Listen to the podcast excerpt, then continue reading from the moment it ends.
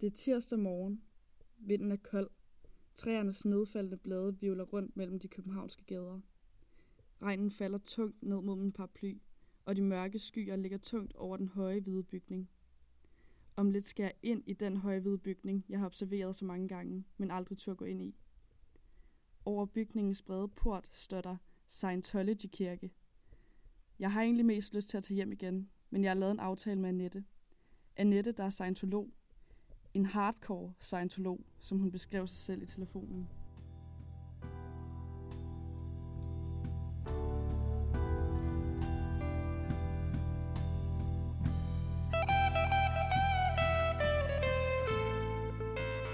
Altså, jeg var sådan en almindelig, ung, udadfarende kvinde, som øh, jeg rejste rundt i verden og byggede huse i Colombia. Og jeg var også i kibbutz i, i øh, Israel en periode, og, og jeg var i gang med min uddannelse, da jeg blev interesseret i Scientology. Så jeg var, sådan en, jeg var egentlig ikke, det lå ikke i kortene, lad os sige det sådan, at jeg skulle blive øh, nyreligiøs.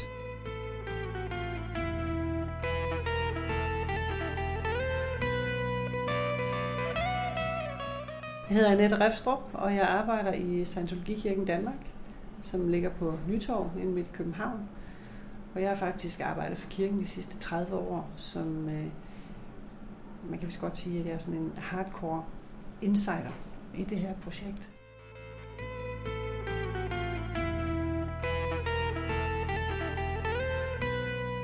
Det var ikke sådan, at jeg havde et eller andet stort problem i mit liv, og jeg var i virkeligheden heller ikke særligt åndeligt søgende det der, det skulle helst kunne måles og vejes. Jeg var sådan en matfys-student, så jeg tjekke på tingene, og der var ikke nogen, der skulle komme og bilde mig noget ind. Jeg var sådan, sådan, det var sådan, jeg var, da jeg så stiftede bekendtskab med Scientologi.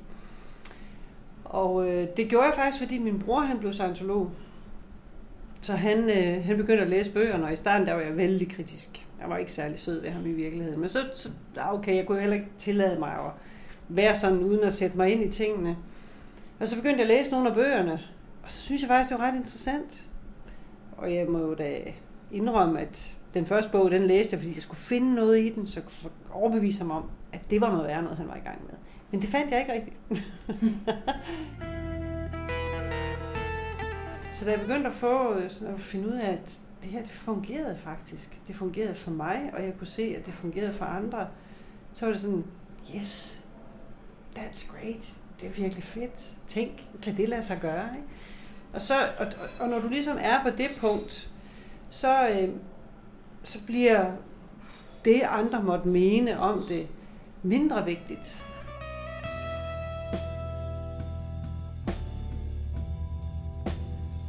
Altså, hvis du kigger på, hvad laver man så i en Scientologikirke? Altså, jeg, jeg arbejder jo det er altid med folk, der ikke, eller selvfølgelig arbejder internt også, ikke? men ellers så arbejder jeg jo mest med folk udefra. Og det var helt fint. Jeg synes, det er dejligt. Jeg kan godt lide at have den funktion og få lov at introducere folk til en anden side af Scientology, end det de måske har hørt og set og været opmærksom på tidligere. Så det, øh, det synes jeg er helt fint. Og der er vel cirka 150 mennesker, der arbejder her, fordelt på et daghold og et aftenhold. Så man kan faktisk komme på kursus fra klokken øh, 9 om morgenen til klokken 10 om aftenen, afhængig af, hvordan det passer ind i ens hverdag. Så, øh, så, så det er det. Der er sådan et, en, et hold, der, der tager sig af alt det, vi laver. Kursusvejledere, åndelige vejledere, og så videre, så videre. Og, øhm, og ja, jeg er en af dem. Efter vi er her på Nytorv, der er der en måske 10-30 nye mennesker, der kommer ind og starter på nogle kurser hver eneste uge. Ikke? Og det er jo ret spændende. Og nogle af dem de bliver jo hængende, fordi de synes, det er interessant. De får den samme oplevelse, som jeg fik. Aha, det er sådan, det hænger sammen.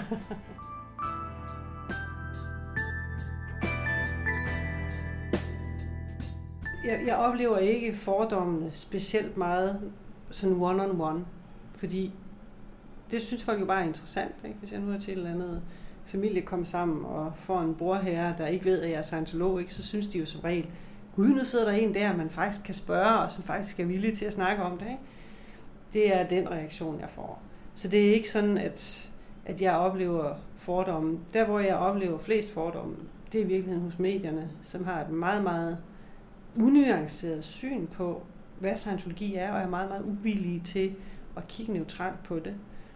Meget specielt, men det er lidt sådan, det er, ikke? Medierne, det skal helst være kontrovers, og folk, der er imod hinanden, og penge, og kendte, og sex, og kontrovers, og hvad ved jeg ikke. Så er det en god historie.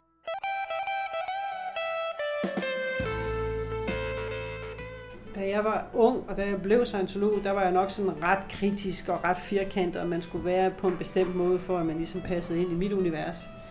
Altså jeg er blevet langt mere rundt, som, som jeg har været her i lang tid. Og, øh, og jeg er blevet langt mere villig til og i stand til at forstå, at folk de kan se på tingene på en anden måde, end jeg gør, uden at det, der går noget af mig ved det. Så ja, verden er fuld af skønne mennesker.